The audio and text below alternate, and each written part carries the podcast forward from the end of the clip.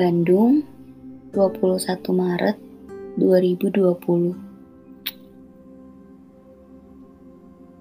Secarik untukmu, dirimu sendiri. Banyak yang sudah kamu lewati. Terima kasih untuk segala jenis usaha. Jatuh bangun, tangis tawa, duka dan suka. Dengar, hidup emang banyak badainya. Tapi Tuhanmu lebih besar daripada itu.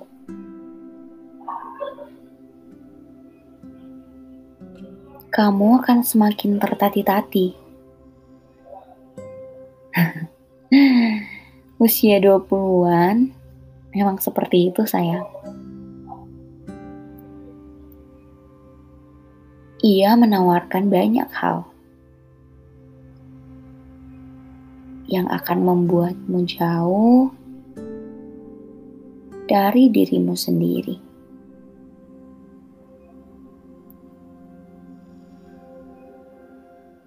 Selamat datang.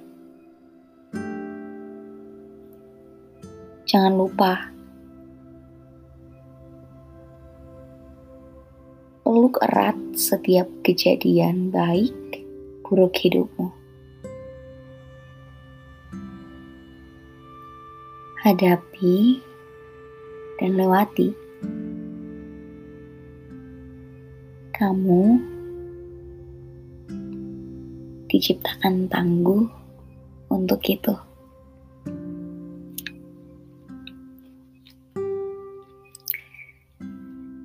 Hai semua, balik lagi di podcast Fem Fem Sky. Di Fem Fem Sky Podcast. Semoga selalu baik ya. Oke, sejarik untukmu dirimu sendiri. Tulisan ini sebenarnya gue tulis buat diri gue sendiri yang dianugerahi usia baru beberapa bulan lalu. Cila, 20 tahun woi. Seperempat abad berangkat dari uh, kekhawatiran gue memasuki usia 20 tahun akhirnya jadilah tulisan ini. Di semester 2 gue belajar tentang psikologi perkembangan. Jadi menurut teori psikologi itu usia 20 uh, eh, masuk ke kategori masa dewasa awal yang starternya sebenarnya dari usia 18 sampai 40 tahun. Tapi uh, eh, gue belum punya kekhawatiran yang hmm, sebenarnya punya waktu usia 18-19 tapi injek usia 20 itu makin nambah dan makin pokoknya makin banyak aja hal-hal yang dipikirin gue bisa gak ya nemuin pasangan hidup yang sepadan sama gue? Hmm, selepas kuliah, ilmu gue bisa berguna gak ya buat orang lain? Selepas kuliah ini, gue punya kemampuan gak ya buat masuk ke dunia kerja? Gue bisa gak ya dapet kerjaan terus punya penghasilan yang uh, bagus, seenggaknya bisa ngidupin keluarga gue. Uh, selepas kuliah ini, gue bisa nggak ya survive di dunia ini, di dunia yang fana ini. Sumpah gue takut, uh, gue khawatir masuk ke usia yang baru ini. Tapi menurut teori psikologi, ya emang di usia dewasa awal ini ya itu, itu jenis krisis yang akan dilewati. Jadi wajar kalau ada kekhawatiran, ada pemikiran seperti itu. Nah, karena takut, lewat tulisan ini gue mau uh, nyemangatin diri gue dan juga kalian yang mungkin lagi mikirin atau punya banyak kekhawatiran tentang hal yang sama. Uh, bicara tentang hidup,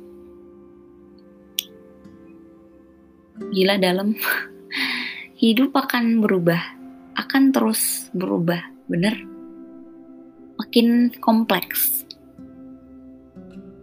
Kita akan sangat berpeluang untuk banyak mikirin atau bahkan uh, ngerasain hal-hal berat yang kadang bagi sebagian orang mungkin itu di luar batas kemampuannya. Kita nggak akan selalu dikasih hal-hal yang enak dikerjain menurut sudut pandang kita. Contoh kecilnya, uh, misal gue kerja sebagai psikolog. Amin. Nah, gue nggak akan terus-terusan dikasih klien yang gue harapin gitu loh. Kayak orangnya terbuka, orangnya bisa nerima advice dari gue, nggak akan selalu kayak gitu. Pasti ada masanya gue dikasih klien yang bandel, yang keras kepala, atau bahkan yang orangnya amat sangat tertutup, yang sulit buat terbuka. Nah, sama kayak hidup. Gue rasa bahkan se sebelum umur 20 pun, ya emang kayak gitu. Gak semua bisa berjalan sesuai inginnya kita. Nah, ketika itu terjadi, kalimat yang gue pegang selama ini, nggak selama ini sih baru-baru, baru-baru aja, mungkin kedengeran apa sih? Atau yang bener aja, bahkan gila nih orang akan kedengaran seperti itu di telinga kalian. Kalimatnya yaitu nunggu ya. Kalimatnya yaitu terima aja dulu. Gue gila gak sih ngomong kayak gitu menurut kalian? Iya sih, gue akuin susah banget. Susah, susah. Gue pun yang lagi berusaha untuk selalu menanamkan kalimat itu kayak gila, susah kalau udah 23 tahun terus uh, belum punya kerjaan sedangkan teman-teman seusia kita udah pada kerja dan uh, punya penghasilan tetap belum lagi ada tekanan sosial mana mungkin yang kita bilang ke diri kita sendiri terima aja dulu atau waktu usia 28 tahun terus masih aja ngejomblo yang uh, sebenarnya nggak jadi masalah sih jomblo di usia itu tapi orang-orang terus-terusan nanyain kapan nikah kalau ke kondangan ditanyain, kapan nyusul? Boro-boro nyusul. Pacar aja gak punya ya kan?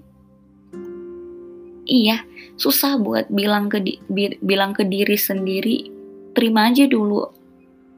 Tapi sebenar-benarnya yang paling bisa menjadi penyembuh terbaik saat kita lagi terpuruk ya hanya diri kita sendiri kita punya loh kekuatan untuk nyembuhin luka kita sendiri. That's why kita diciptakan kuat oleh Tuhan yang tentunya lebih besar daripada badai hidup kita. Kalau gua, gua lagi belajar buat uh, ngubah respon gua terhadap hal-hal yang terjadi dalam hidup gua dengan lebih bijaksana. Sekali lagi, uh, lagi belajar. Banyak yang Tuhan anugerahin dalam hidup gue. Gue belajar banyak dari lingkungan, dari orang-orang di sekitar gue, dari hal-hal yang uh, terjadi dalam kehidupan gue tentang gimana kita nerima hal yang emang uh, kalau mau dibilang ya emang udah jadi jalan kita. Gini misal uh, keluarga gue nggak begitu harmonis nih. Dibanding gue terus-terusan hmm, membenci keluarga gue akan lebih baik kalau gue ya udah gitu nerima hal itu sebagai bagian dari hidup gue yang harus gue lewati. Karena uh, gak banyak di antara orang yang dianugerahi keluarga yang gak harmonis. Ya maksud gue di sini bukan berarti keluarga lu harus gak harmonis. Kalau harmonis ya puji Tuhan. Kalau nggak nggak juga ya ya puji Tuhan kenapa karena uh, lo dikasih kesempatan untuk belajar dari hal itu. Jadi ketika lu berkeluarga, ya lu tahu gimana rasanya kalau keluarga lu gak harmonis. Jadinya lu bisa bangun keluarga yang lebih harmonis, gitu kira-kira contohnya. Jadi, balik lagi, ya penyembuhnya hanya diri kita sendiri. Kita nggak bisa ngubah lingkungan. Dan yang bisa kita ubah adalah diri kita sendiri. Bisa dari cara pandang kita, bisa dari respon kita, intinya diri kita, diri kita sendiri. Sekali lagi, peluk erat setiap kejadian baik dan burukmu. Terima, hadapi, dan pelajari. Semoga penyembuh kita sendiri adalah benar-benar diri kita sendiri. Go Fem Fem Sky, akhir kata seperti biasa bantu cakep ya. Makan nasi pakai terasi. Cakep. Ini bukan halusinasi. Terima kasih.